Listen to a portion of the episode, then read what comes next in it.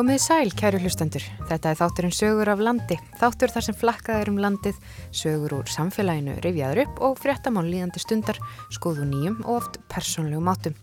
Ég heit Gíja Holmgerstóttir og með mér í dag eru þær Halla Ólafstóttir, dagskrákjaraðmaður á Vestfjörðum og Anna Þorburg Jónastóttir, fréttamaður á Norðurlandi.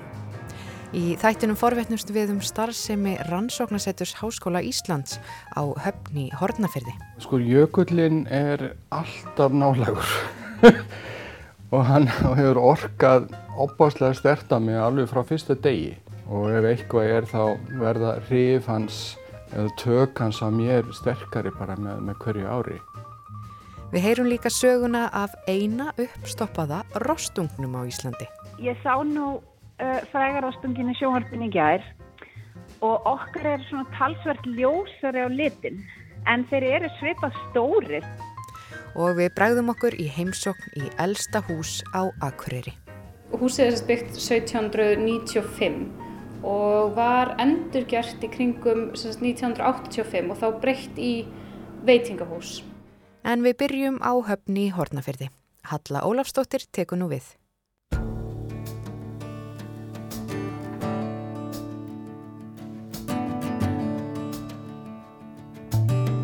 Þorvarður Árnarsson, hvar erum við stödd? Við erum í Nýheimum á höfni Hortnafyrði. Þetta er fjölnóta bygging sem á sig núna rúnlega 20 ára sögu.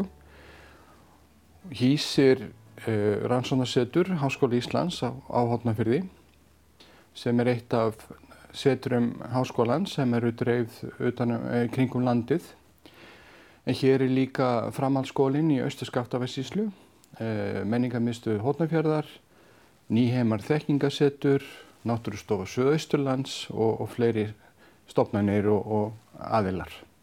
Til að byrja með þá er kannski rétt að, að því er ekki vist að fólk þekki rannsóknarsetturinn, rannsóknarsettur Háskóli Íslands, að við erum stopnuð í þeim tilgangi að efla rannsóknir og þekkingastarf í okkar nærumhverfi sem er þá út á landi, út á landsbyðinni í yfirleitt frekar fámennum samfélögum. Og því fylgir að jáframt að vinna sagt, náið með þeim aðeilum sem eru í nærumhverfinu. Og í okkar tilfelli þá hefur það sérstaklega verið, verið stopnani hérna í nýheimum en líka vatníkustjókarður sem er hérna í bakgarðinum og einhver leiti líka sveitafélagið og síðast en ekki síst atvinnulífið, eða það er að segja ferðarþjónustan. Yeah. Og þegar ég kem hérna, kem hingað fyrir 15 árum, þá er ferðarþjónustan, hún er enþá svolítið að berjast í bökkum, hún er enþá hérna svona vertíða hérna bundin, það eru ferðarmenn hér á sömrin en svo ekkert frá september og fram í, í mæ, júni. Mm -hmm. Þannig að ég sem sagt byrja að vinna með ferðarþjónustunni hér og það er mikil gerjun og gróska að því gangi, það er verið að stopna ferðarþjónustu klasa og, og síðan eru liðið mörg ár og, og þetta hefur verið svona viðvarandi liður í starfi rannsóknarsettusins. Það er að sinna bæði rannsóknum og þróunaverkefnum á sviði ferðarþjónustu. Þannig komum við beint inn á þetta verkefni sem að, að þú vinnur að núna sem kallast vísinda ferðarþjónusta. Hvað fælst í þessu verkefni? Já, ef við förum aðeins aftur tilbaka þá er þetta fjórðaverkefnið í röð e, þróunaverkefna sem að hafa verið styrt af Norðurslóða áallun Európa-sambandsins, Northern Periphery and Arctic Program og byggir á þessum eldri verkefnum, sérstaklega verkefni sem við vorum með á árunum 2008 til 2011 sem var um þróun jarfræði tengdrar fræðandi ferðarhanustu. Mm um, síðan gerist það fyrir einhverjum tveimur, þreymur árum að við fáum óskum samstarf frá heimskutastofnun Háskólans í Laplandi um að þróa sagt, nýja tegund af ferðarþjónustu sem að samt byggir á gamlu merk sem að við köllum sagt vísinda ferðarþjónustu eða scientific tourism. Og þetta verkefni er, heitir SciTour sagt á, á skamstöfunin og í raun og veru þá, þá er þetta hugmyndin er einfallega þessi að þú ert með ferðarmenn frá öllum heimsvortnum við náttúrulega erum með gríðarlega fjölda ferðarmanna á hodnafyrði Þetta er svona, í venjulega árferði er svona uppundur helmingur allra elnendra ferðamanna sem kemur til Íslands sem að fer hérna í gegn. Mm -hmm. Og þegar að ferðarþjónustan var í hámarki fyrir, fyrir heimsfaraldurinn, að þá voru rúmlega 800.000 manns sem að stoppuðu við Jökulsvöldón og sennilega fleiri, sko, yeah. sem tælir að ná yfir. Og síðan hefur orðið, kjölfar þessa hefur orðið greiðilega mikil gróska í, í atvinnum greininni sem slíkri sem sést kannski best á því að fjöldi fyrirtækja í ævintýraferðarþjónustu fór úr sjö 2010 í yfir 30 2019 og svo til öll þessi nýju fyrirtæki sem að örðu til þau eru að vinna sagt, með jökla. Þannig að þau eru semst að fara með ferðamenn frá öllum heimsórnum inn í jöklalandsla hotnafjörðar, upp á jökul, inn í jökul og þannig að þetta er semst svona, þannig að ferðinu auðvitað, hún er, er viðskiptarlegs eðlis, hún er upplifinarlegs eðlis en hún getur líka verið vettvangur miðlunar og fræðslu. Og svona í ljósi þess hvað ferðarþjónastan er mikil gerandi í nættrænu lofslagsbreytingum að þá sagt, er fyrst mér mjög hæfilegt að reyna að gefa eitthvað tilbaka eða vinna eitthvað með þessar aðstöður að fólk er að koma hingað kannski fljúandi frá Asíu um, og sagt, þannig að við getum sendt eitthvað þetta var ekki bara spurningum að fá ná góri sjálfu upp á jökli heldur að fólk taki með sér einhverja þekkingu sem að er þá kemur beint út úr þessu umhverfi Já. og það er það sem að mér finnst svo heillandi við þetta verkefni er að þarna erum við að vinna með tíu lokal fyrirtækjum, stafbunni fyrirtækjum og það þýðir þá líka að við getum búið til samlegð á milli þessari vísendarlegu þekkingar sem, sem við og Rannsóðarsetrinu og Náttúrstofunni og okkar kollegar sem við getum lagt til og þetta þá sem sagt vinnur með staðarþekkingu leiðsömanana. Við þeir hafa allir verið að vinna í fjölda ára, sem er ég vel í ára tíi þeir þekkja þetta af einn skinni, þeir þekkja þetta af einn raun. Þeir geta sagt hér þegar ég var hérna á ferð með Ava Smala, þegar ég var hérna á Polli, þá var jökullin hér. Og núna er hann komin fjórum kílometrum innar. Og þannig að fyrir ferðamannin, við myndir eftir að rannsaka þetta, hitt tekka fram, en svona allavega í teóriunni, að þá ætti þetta að skapa kjör aðstæður til þess að miðla upplýsingum á trúverðuðan hátt. Því þetta er ekki, þetta eru þá upplýsingar sem að, sem að hérna við erum þá verðum búin að þá erum að vinni í að, að, sagt, að, að hérna að miðla til ferðarþjónustu fyrirtækjana þannig að þau séu með fáið aðganga þessari vísindilegu þekkingu sem að þau séðan þurfa bara að vinna úr á sínum einn fórsendum og tengja við sína staðaþekkingu Um, en þarna ertu þá sem ellendu ferðarmæður, þú ert stattur í þessari lifandi kjenslustofu um, um jökla og lofstafsbeitingar. Þú ert í ferð með leysuðmanni sem að hefur ég vel alist upp þarna á, á þessu svæði eða búin að vera þarna í fjölda ára og getur sagt þér einlega bara beint frá hjartanu, beint frá út frá einn reynslu.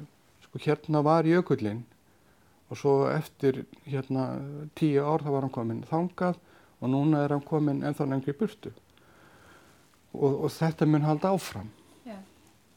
þannig að þetta er, er svona þetta er draumurinn Um, en það sem að, svona að því að þetta verkefni sætúr, þetta er, er viðskipta verkefni, getum sagt, að tilgangurinn er að þróa lífvænlegar vörur, ferða vörur, þannig að, að sagt, það sem við erum að gera með fyrirtækjunum er að þróa sagt eh, nýjar ferðir sem að verða þá í bóði samhliða öðrum hefbundu ferðum.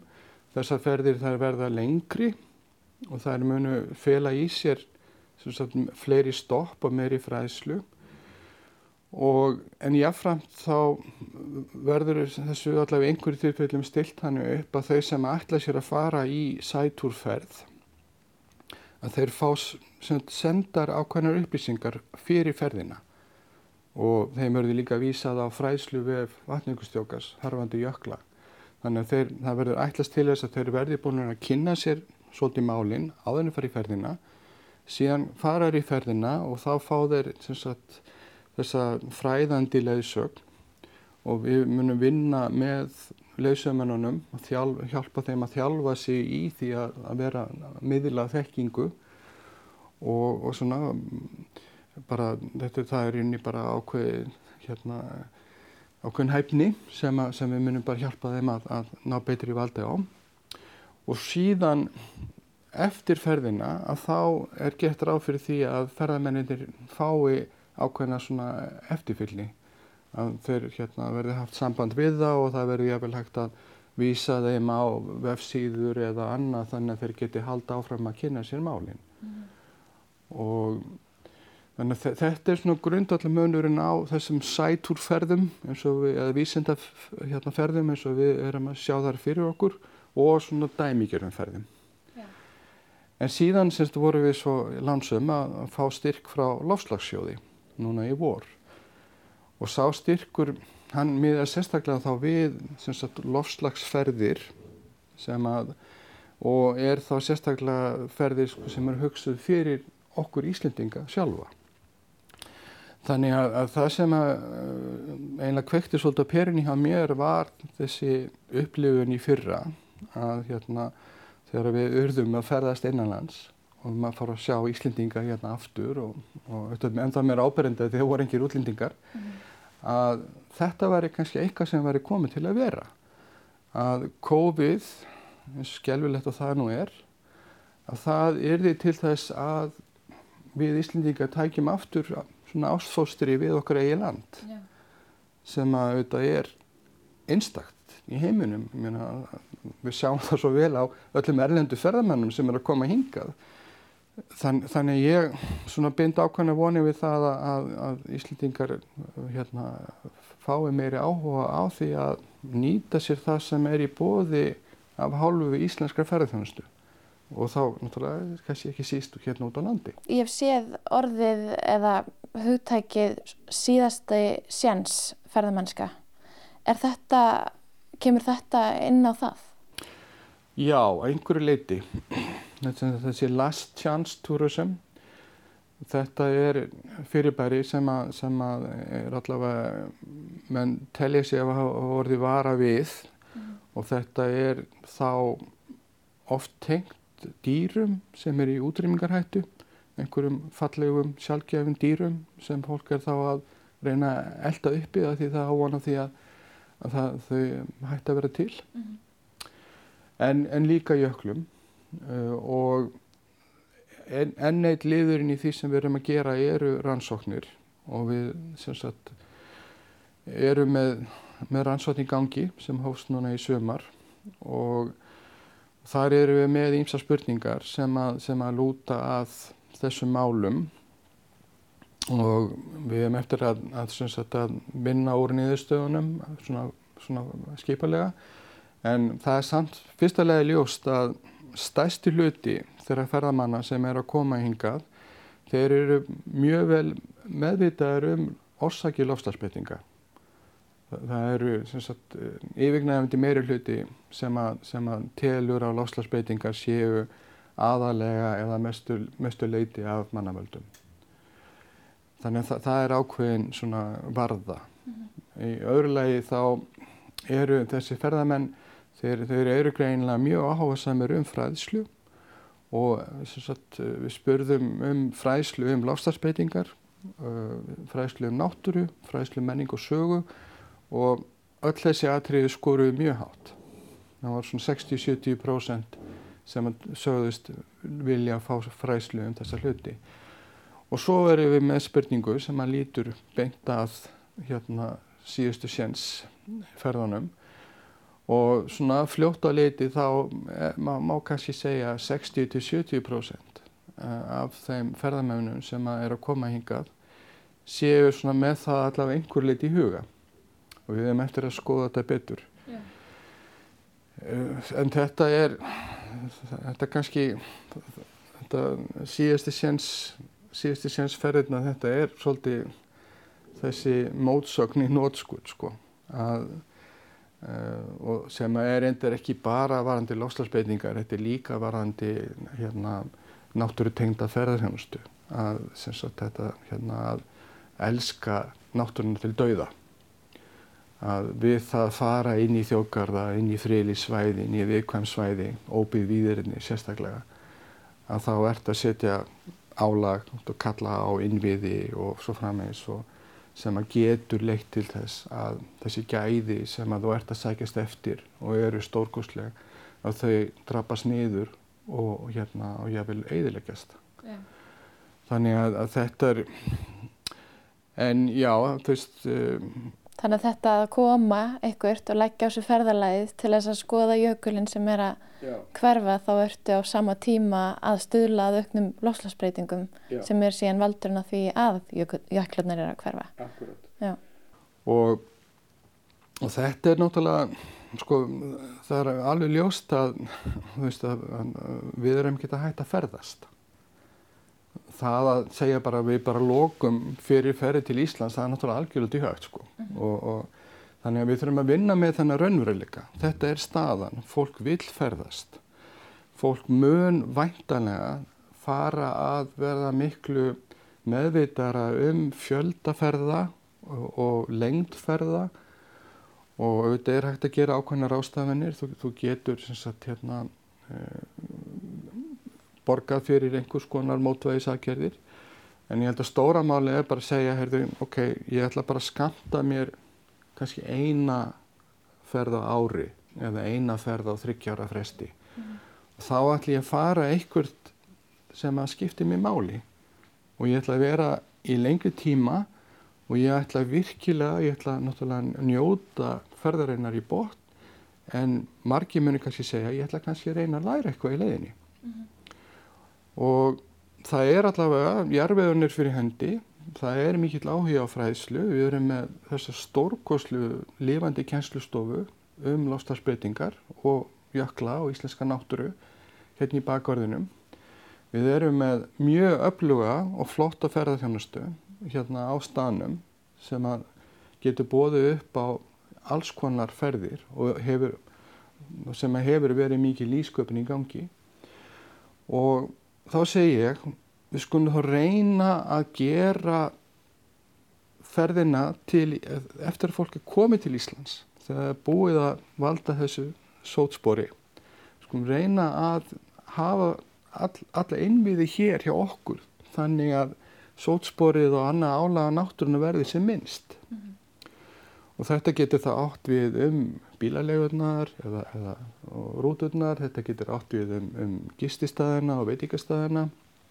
Við bara virkilega verðum hérna með sjálfbara ferðarþjónustu, ábyrga ferðarþjónustu frá aðtöluga og síðan þegar að fólk kemur á staði eins og hotnafjörð þar sem að við erum bara með bránin jökla fyrir augunum að þá vinnum við á markvist og ábyrgan hátt með þessa staðreind mm -hmm. að hérna þú ert komin hingað, þú er búin að valda þessu sótspori, þú ert að valda sótspori bara heima hjá þér, ok við þurfum að gera eitthvað í því en núna ertu hér og við erum með þessa kjenslustofu og okkur langar til þess að segja þér frá hvað er að gerast hér hjá okkur, hvernig nattræna lostarspeitingar, hvernig áhrif þeirra byrtast í þessu staðbunna umhverfi og síðan væri það mín von að þegar við erum búin að, að hérna, ef við náum að kveikja í fólki þannig að það, það, það sjáu raunveruleikan í okkar umhverfi að þá verði það næmara fyrir þeim breytingum sem eru heima hjá þeim sjálfum. Já. Hvernig hefur jökullin mótað til dæmis þitt starf hér? Já, sko jökullin er alltaf nálegur og hann hefur orkað opáslega sterta mig alveg frá fyrsta degi og, og til dagsins í dag og ef eitthvað er þá verða hrif hans eða tök hans á mér sterkari bara með, með hverju ári. Hér er ég með aðstöður til þess að sína fólki á mjög afdráttalösan hátt hvað er að gerast. Þetta er bara toppurinn af toppnum á Ísakanum. Eh, Náttúrulega lostarspeitingar eru að grassera hafa áhrif á nánast allt í kringum okkur og flest áhrifin munu ekki koma fram fyrir eftir áratvíi en þetta er að gerast þetta gerist hratt þetta er að gerast núna og þetta er alveg skýr vísbending um það sem að er í vændum ef að við tökum okkur ekki á. Takk fyrir spjallið Þorvarður Árnarsson. Takk sem les.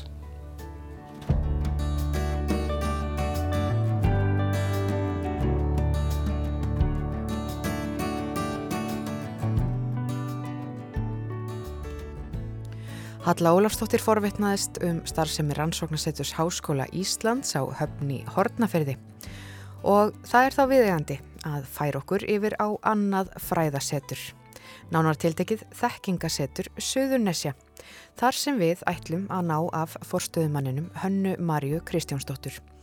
Og það er líka viðegandi, svona í ljósi hins fræga rostung sem að ákvaða heimsækja höfni Hortnaferði nú nýlega, að í þekkingasettur Suðurnesja má finna eina uppstoppaða rostungin á Íslandi. Halló. Já, halló. Er þetta ekki Hanna-Maria? Jú, Hanna-Maria. Sæl, verðstu þetta Gíja hérna, hér á seitt. Já, sæl. En uh, þeir eru með hennar rostung hjá ykkur, hennar stórmerkilega rostung, sandgerðis rostungin. Hann. Já, hann er hérna. Ég stend hérna fyrir framann hann. Já, getur þú líst honum aðeins fyrir mér? Já, hann er, ég sá nú uh, frægarostungin í sjónvarpinni gær og okkar er svona talsvert ljósari á litin en þeir eru svipað stórir með upplýsingarnar sem ég heyrði. Þessi hérna hjá okkur er, er um 800 kíló en þessi hér er bara, þetta er karldýr og hann er bara rétt hálfvaksta.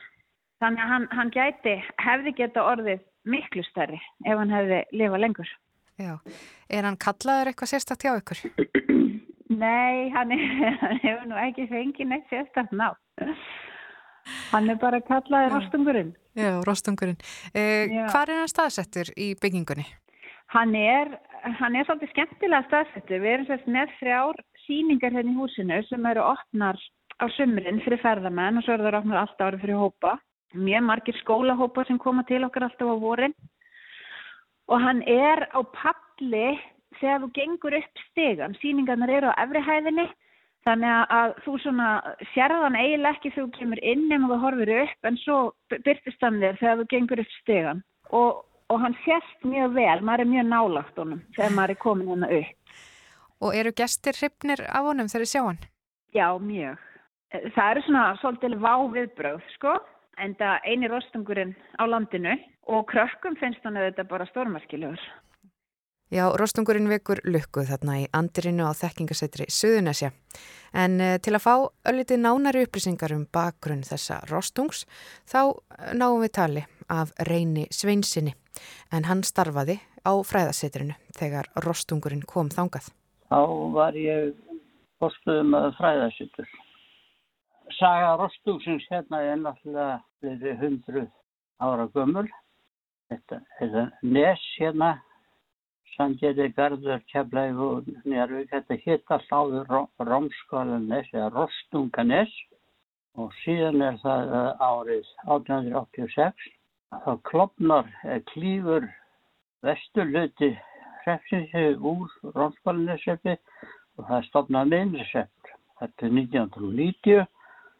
Þá er stopnaði hérna, það er sandgerði bæjaretti og, rostungurinn er í bæjamerkinu og í middeltíðinni er oft búið að vera spá í það að hérna, komast yfir rostung. En það gekk nú hálfa illa og þurfti mikla hundakursi til þess. Og það var ekki fyrir enn að fara í náttúrhæðstofnun og þeir komu sendi breyt til, til hérna Grænlands. Og þar var það bæðir sem heiti Sissumút og það er eini bærin á Grænlandi sem er með bæjamerki í Rostung. Þá uh, var ég í stjórnverkefnis uh, um bottir og Íslandsmiðum þar sem að Sangerðisbær tekur þátt í uh, meðal annars ásand umhverjarsáðuneytinu og okkur og fleirum. Þarna heyrum við í náttúrufræðingnum Ævar Petersen í viðtali frá árunni 2008 þar sem hann fjallaði um rostunga almennt og rifjaði upp sögur og hann kom með mitt að þessu máli. Og e, þá var það einhver tíman á, á stjórnarfundi að þá var það bæjastjórn í Sangeri sem fór að nefna það að, að Sangerisbær ætti nú að eiga rostung af því að rostungur er í, í, í merki Sangerisbæjar og, e, og þá lítu allir til mín og, og endingu sagði, sagði ég já ég skal út við ykkur rostung og eh, ég vissi að hann var nú ekki að hafa hér á landi svo að ég skrifaði til Jóhannes Mótsfeld sem að þá var, þá var uh, stjóri á Grænlandi og, og eh, nokkru mánuðu setna kom hérna Rostungur. Og það er sérst að veiðimaðurinn sem hefði farið að ná í þetta dýr, hann hafi orðið að fara aðeins inn í kanadísku loksuguna til þess að finna svona ung dýr. Það er sagt að þessi rostugur er svona 30 svo skamall og það sést meðal annars á húðin á honum og skinnin á honum að hann er ekki sko svona gróð með hálfgerða svona sjálfbögustjél eins og, eins og eldri rostugur og hann er mjög ljós. Hann var viktað þegar hann kom til náttúrulega þá var hann 750 kíló og um, hann er með tvær fallega tennur, 27 cm langar en um, þetta litla sæta dýr. Það er eh, veitt út í Grænlandi, sendt með þristiskipi til eh, Danmarkur og svo er það flutt aftur til Íslands, til Reykjavíkur og það hann í fristi og setni í Sandjörði í Kælfjöfa.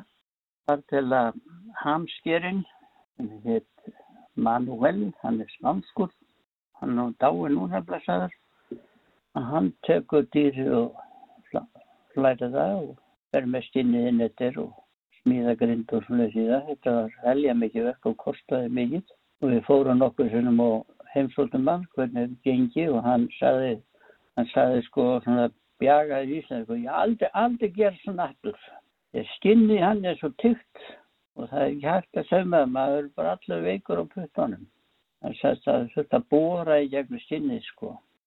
En það hafði nú fyrir rest að svemaði saman og og svo vildu, vildu við láta hann sagt, vera með hausin aðeins til snúunum aðeins til finstri og það var meiri hátt að mála með þess að hann var að negla í, í grind sem var unni í hausnum bara með noklum og þar til að allt tóttnaði þá kannar yfir neglan úr. Já, já, já. En uh, þetta fór náttúrulega formlega í gegnum ríkistofnunni eins og náttúrfæðistofnun og, og svo var það að Daví Olsson var í ofnabri heimsókn í Grænlandi og þá hérna fekk hann aðfendan rostungin og Jónatan Mórsveld sem aðfendan rostung íslensku þjóðunni rostung sem ætti síðan að vera í Sandgerði. Og svo þegar það búið að stoppa hann upp og, og koma náða fyrir á stallinu sínum í andirinu þá var ákveðið afhjúpan með smá viðtöfn og það var á sandgerðistögun, svona hálftíðistafar og ég hefði fengið Davíð til að koma hurður og afhjúpa dýrið og koma að setja hvítan dúk yfir allt saman. Davíð sagði því hann var alltaf stemtilega kallin að þetta hefur verið þingsti handfarangur sem hann hefði verið með frá því að hann var fórsvöldi ráð þeirra. Það er 750 kíló handfarangur og hann hérna, hann var náttúrulega eins og hún að meina við lægið, það er semtilega sögur af þessu sko. En þegar að rostungurinn var výður, þegar þú varst búin að setja hann að kvíta lakið yfir og, og, og, Daví Oddsson mættur á svæðið, hvernig ja. voru viðbröð fólks þegar að kvíta lakið var tekið af honum? Bara mjög, ég held að allir hafi verið mjög gladir sko vegna þess að það vissi, vissi ekki einhvern dýri liti virkilega út sko og skinnið í þessu dýri er til dælu slétt að því að hann er ekki orðin full vaksinn að þá er hérna áferðin á því miklu svona stjættari og falleri heldur en á þessum vilja vinning sem er komin hérna í hornaðiði. En hérna, hvernig var að hafa hann þarna á uh, fræðasetrinu? Uh, var hann svona kumpánlegur? Já, já, hann, hann hérna, við meðum sér að fóra með hann einu sinni í, í síningu og hérna, ferðarkynningarsíning í Smáralundinni, það var áður tífúlífa settið. Þá komum við með rostungin hérna úr Sandgerði og það var eitthvað annað, kompani sem kom hérna eitt stykki íspjöld og þeir voru hérna hlið, báðir óskaplega tíknarlegir og miklir. Já, hefur hann eitthvað farið uh, sko víðar heldur en þannig í Smáralundina, þessi rostungur? Nei, ekki neitt. Það er uh, kannski einn skemmtileg saga í, í sambandu Rostunga og það er, uh, það er, það er sagana svo, svo nefndum Valla Víðförla sem að, uh, var hér fyrir allmörgum árum. Að það var þannig að þá var Gunnar Tórótsen fórsöldsráður Íslands og hann var stattur í, í London til viðræðina við þar lenda. Og þá fréttist það að Rostungur hann hafi sést við söðuströnd Englands og menn voru nú svona vandræðis með þetta, þetta dýr hvað, hvað ætti nú að gera við hann vegna þess að hann var langt frá sínum heng, venjulegum hengin, henginum og það endaði þannig að, að fórsættisráður hann bauðst til þess að greiða hálft farið fyrir, fyrir valla Eh, norður á bógin og, og, eh, og þá loftleiðir sem að þá var hinhelmingin og hann kom hér með flugvél og kom að kemla ykkur flugvél og þar var farið með hann beint nýður í höfn í Keflavík og þar beigð varðskip sem flutti hann yfir að Grænlandströndum og sleft honu þar Nú þetta er, eh, þetta er nú eiginlega síðasta sem við vitum af, af, af þessum valla viðförla eh, svona alveg, alveg pottjætt má segja. Eh, einsagan eftir þetta var það að grænleinski veiðimenn hefðu nú skotið hann fljótlega eftir á en síðan var það árið setna að þá þá sást hérna á rifi hérna á Snæfellsnesi e, einmitt e, rostungur sem var með brotna tönn alveg eins og, eins og valli hafði verið og e, menn voru svona eiginlega nokkuð vissur um það að hann hefði komið þarna aftur hinga til Íslands og held sig þarna við rif um soldin tíma. Eitt sem við söknuðum svolítið þegar það var búið að stoppa hann upp þar sem þið fláðan, ég veit ekki hvað það var, að beinagrindin hún vistist að fara með kjötinu bara í beinauðsmiðuna. Já, já, já, það var óhefilegt. Já, það hefði gaman eiga beinagrindin líka, en því miður var það ekki svo. Já, svona var saga tveggja rostunga sem að tengjast Íslandi. Og það var merkilegt að heyra náttúrufræðingin Ævar Petersen rifja upp eh, söguna af Valla Víðförla, rostungrun sem að flakkaði fjarrri náttúrulegum heimkinnum sínum mörgum árum áður en að nafni hans lagði upp í samskonar ferð. En næst er ferðinni heitið í Innbæin á Akureyri, þar sem finna má elsta hús Akureyrabæjar, sem nú hefur fengið nýtt hlutverk. Í húsinu var áður til að mynda áfengisverslun ríkisins, ambókasamn og fátæktarheimili en nú er þar komin súsístaður og lista vinnustofa. Anna Þorbjörg Jónastóttir fréttamaður brá sér í heimsókn í Lagstallshús og hitti þar Jóninu Björg Helgadóttur, myndlistamann.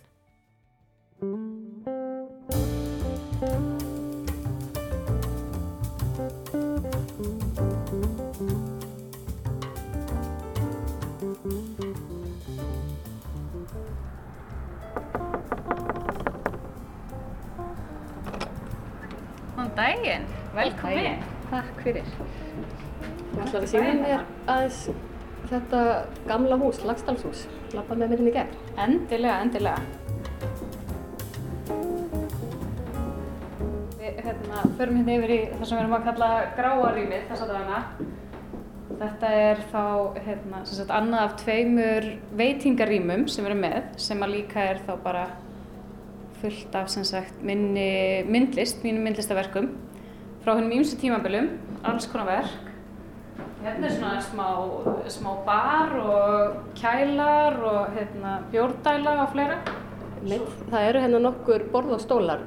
Eh, Já. Þetta er nú kannski ekki alveg uppröðulegt en þetta er nú samt ekki glænýtt. Þetta er nú bara svona eins uppröðulegt og það gæti verið held ég í þessu húsi sko. Húsið er náttúrulega, húsið er byggt 1795 og var endurgjert í kringum 1985 og þá breytt í veitingahús.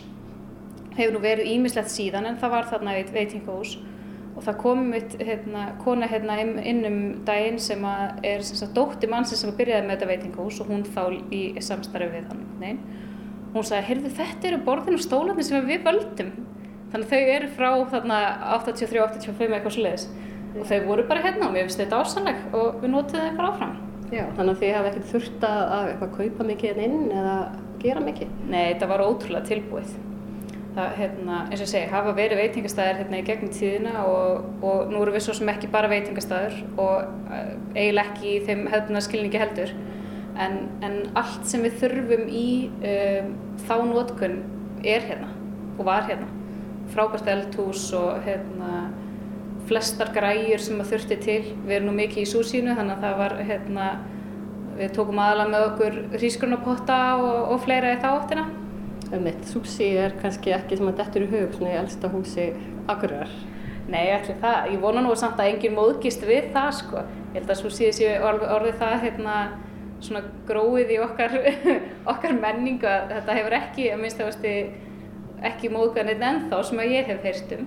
Nei. En já, við erum með sushi og svo er, hérna, erum við með aðeins fleira svona fyrir þá sem eru ekki endilega í, í þessum pakkanum sko. En mitt og kannski sín mér hérna eldhúsið. Endilega. Það er náttúrulega mjög lítið og þraugt, ekki...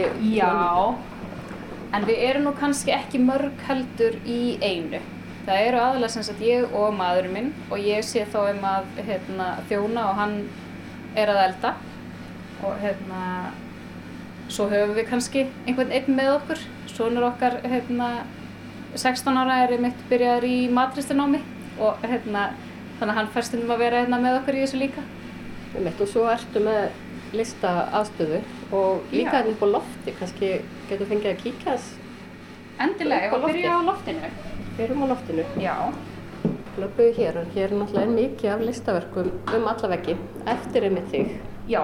Þannig að þetta er hérna, líka mín vinnustofa og, og verk eftir mig út um allt og ég mun vera mikið með opið hérna þannig að fólk getur komið inn og kíkt á hérna, bara húsið og verkinn og ég er bara á störfum á meðan. En svo ef við förum hérna upp á öfri hæðina, hérna litla þrönga stega þar sem að valla nokkur húsgögg komast upp. Þar erum við sérst með rými þar sem að um, í rauninni í bjó hérna svakalug fjöldi af fólki á tímabili. Þannig að þegar að bærin kefti þetta í kringu stríð þá var mjög mikið af fólki sem átti heima hérna í þessu litla rými. En núna erum við með þetta þannig að þetta er sem sagt eitt stórt rými sem er hérna sem er svona aðeins, aðsk, aðeins aðskili hérna af steganum í miðunni og þá erum við með þessi svona tvö rými þar sem eru, eru vinnustofur og öðrum meginn er sem sagt eh, myndlistakonu sem heitir Marta og hún ætlar að vera hérna í sex mánuði og svo hinum einn er þá vinnustofa sem er fyrir svona meiri gestalistamenn sem að þá kemur í skemmri tíma í senn til að vinna hérna. Og svo er hérna líka bar í miðinni. Já, þetta, hérna, þetta var líka partur af veitingaríminu einu sinni, þannig að það er hérna bar og uh, diskalifta, svona matalifta sem er mjög svona skemmtileg viðbót, ekki kannski eitthvað sem við nýtum neitt en, en áhugavert þannig sem er. Nei, það getur kannski sendt uh, sushi og drikki hérna upp til listamannina þegar er ekki að koma niður. Já, ef það er brjála ball niður og, hérna, og þeir komast ekki út til þess að fá sér að, að borða, þá hérna, getur við kannski sendt upp smá mat þeirra sem miskabætur. en þetta er óskaplega lítið og, og krútlegt og, og hugulegt. Það lítur að vera gott að vinna hérna. Já, það er ótrúlega góður andi hérna og, og skemmtilegt að vera hérna. Og kannski fyrir myndlistamenn, ég veit það ekki hvort að þetta kallast, kallast lítið. Nú vön ímsu held ég. Já, þannig að þetta er kannski bara starra en gengur og gerist. Ég hugsa það, já, fyrir marga þess að verði. Já, en hér, hvað erum við nú? Nú erum við í, sem sagt, hérna, söðurrýminu, grænarrýminu. Við tölum alltaf allt í áttum hérna. Og hér er, sem sagt, hinn veitingasalurinn sem er ögn stærri og verk út um allt. Og þessi er, sem sagt, inn af þessu rými er mín vinnustofa sem er svona aðeins minni en uh, hér mun ég, sem sagt, dreifa eins úr mér inn í þennan þennan sal hérna líka þannig að þegar ég er að vinna Uh, eins og til dæmis grafíkverk sem ég vinn þó nokkuð af þá get ég fært mig hinga og svona dreifta eins úr mér og líka þegar ég með þá opna vinnustofu sem ég hef mjög gjarnan smelli bara skildi út og þá getur fólk komið og kíkt á þetta. Að, hérna, að þá er þetta svona meiri partur af vinnustofunni í rauninni. Þannig að flest rýminn hafa einhverja svona, einhverja svona meiri funksjón heldur en, heldur en eina. Já, þú ert sagt, með alls konar verkefna eftir þig sjálfa á stanum og þau eru mjög ólík. Hva, hvernig listamæður myndur þú segja það værir? Já, verkin eru sérstaklega kannski ólík í um, sérst, aðferðum. Ég mála mikið óljumálverk og svo er ég mikið líka sérst, í að gera grafíkverk. Þannig að ég hugsa það nú að svona, uh, umfjöllunaröfnin séu svolítið svipu þó að útlýtslega séu verkinn kannski pínu ólík, sérstaklega það sem ég er að hengja upp hér sem er svona spannar alveg nokkur ár sko en það er mikið um, uh, um sérst, þetta eru fíguratív verk mikið um konuna og hugarheim já kannski aðalega mín einhvern veginn um, um svona undir meðvitundina og uh, smá svona surrealismi í því en já, eins og ég segi, verkin eru svona útlitslega pínu ólík sko. Það er mikið grafík og, og mikið af litum, þannig að annarkvort eru þau svart, svart og hvít, sérstaklega svona eldri grafíkverkin og mikið um bara ljós og skugga og, hérna, og eitthvað svoleiðis í staðin fyrir þá litina sem eru í hínum, en alltaf mikil, miklir, mikið svona ljós og skuggar og mikið um, um hvern líkamann. Og hvaðan kemur listamæðurinn Jónína Björg? Ég er hérðan frá Akureyri og uh, ólst aðeins upp, sem sagt fætt í Reykjavík og ólst aðeins upp á Kvólsvöldi en öll mín fjölskylda hérðan. Þannig að við endur nú aftur hér fljótlega. Svo ég hef búið hérna að mestuleiti frá því ég var uh, sex ára held ég að sé. Og er bara mikill norrlendingur í mér hugsa ég. Ég uh, bjóð sérn í tvö áru til Danmörku sem er svona mitt pínu annað heimili og hefur alltaf verið en ég fann það líka þar að búa í, í flatlendinu hversu mikið, hérna, hversu mikið þetta umhverju hefur áhrif á mig hér. Að hafa fjöllin og hafa sjóin það var eins og margir hafa líst einhvern veginn, það vissuði ekki fyrir þeir voru farnir að, að þetta hefur mikil áhrif á mann. Og þú lærðir þá á Íslandi myndlist eða? Já, ég lærði sem sagt í myndlistaskólanum á Akureyri fyrst í svona fornámsdeild árin ég flytt út til Damerskur og svo þegar ég kom heim þá uh, fór ég í faglistadeild í fjögur ár. Útskrifast það um 2015 um, fór strax í það með uh, fleirum úr náminu og fleirum hérna úr, úr uh, lista lífinu hér að stopna kaktus sem er svona lista já rými og samfélag og grúpa sem sýnir saman og fleira og það var hérna, greiðlega mikið lífi því og er ennþó að ég sé ekki partur að því þannig sé í dag. Og hef verið í svona hinnum ímsu verkefnum sem við gerum svolítið mikið listamenn finnst mér hérna á Akureyri kring svolítið mikið saman. Þráttur að vera kannski ólíkið listamenn og ekkit endilega myndlistamenn allir saman. Að það er svolítið mikil samvinna í fólki og fólk ítir undir hvert annað og hjálpast að Og þú ert komin að kannski meira róli hætt hér heldur en var í kaktus. Á þetta velviði að vera hér? Já, þetta er klálega meira róli hætt eh, Svo er ég búin að vera á vinnustofu einn í svolítið tíma og hérna og það hefur svo sem sína kosti en líka sína ókosti. Þannig að hér er ég mjög glöð með það að vera þá með uh, fólk líka á efrihæðinni vera bæði með einhverja listamenn sem að fylgja í lengri tíma og, og fleiri sem eru hérna í stuttan tíma. Því mér finnst líka að það séu margir skapandi einstaklingar hérna af svæðinu sem kannski búa ekki hér, búa erlendis eða búa á höfuborgsvæðinu en, en hafa samt áhuga að vera hérna reglulega og þess vegna held ég að það verði verði svolítið eftirsókn í vinnustofu sem er í stittri tíma. En líf listamannsins er, já hvað, eða, með vinnuferli er oft svolítið suppulegt. Hvernig gengur að passa að eðilegja ekki innviðina hér í húsinu? Líf er ekki bara fórt í garði ef ég þarf að gera eitthvað virkilega suppulegt. En ég er búin að fara eins út til að smíða og svona, sem ég annars gerði inn á vinnustofunum minni þar sem allt var leifilegt sko áður.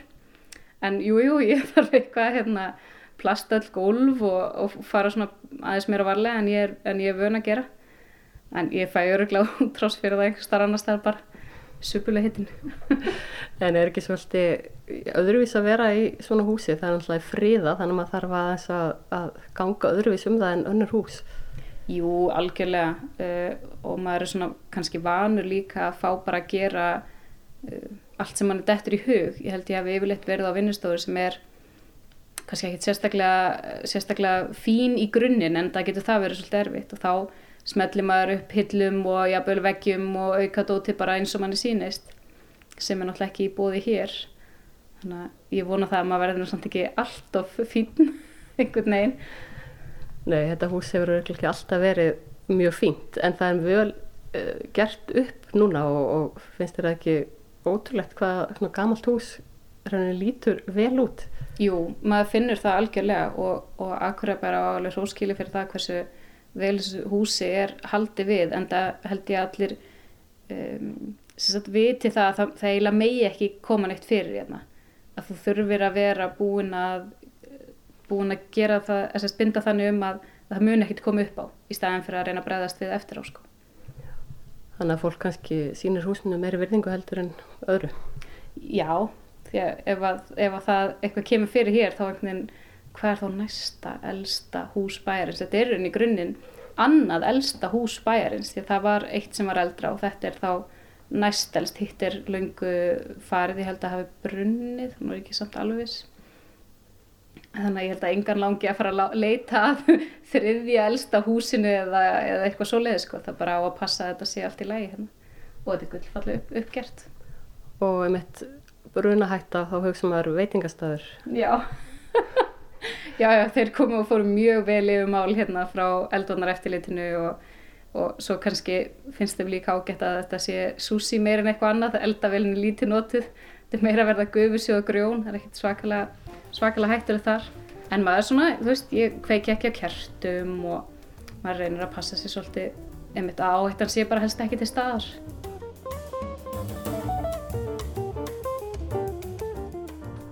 Þannig að ég myndi segja að þetta væri ágæðilega vel nýtt en ólík starfsemi. Já, mjög ólík starfsemi. Þetta í rauninni er fyrirtæki alveg búið til hérna, utanum bara svona allar okkar, sem sagt míns og mannsins míns, ástriður og okkur, öll okkar áhagamál. Þannig að hérna, við höfum nokkur ár til að útskýra hvað við erum að pæla með þessu öllu. En það er hérna, að heiti nú fyrirtæki, Mayo Food and Culture og það kannski segir eitthvað að hérna, þetta er svona matur og menning í bland svolítið mm. og flesta pælingarnar hafa eitthvað með það að gera að blanda þessu tvennu saman.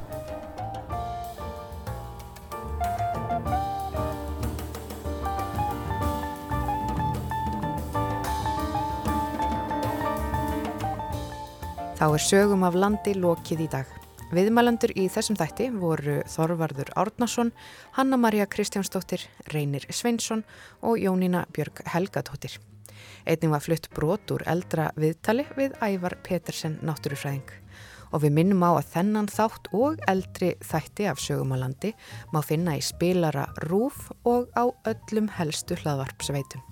Við þakkum þeim sem hlýtu. Lifið heil.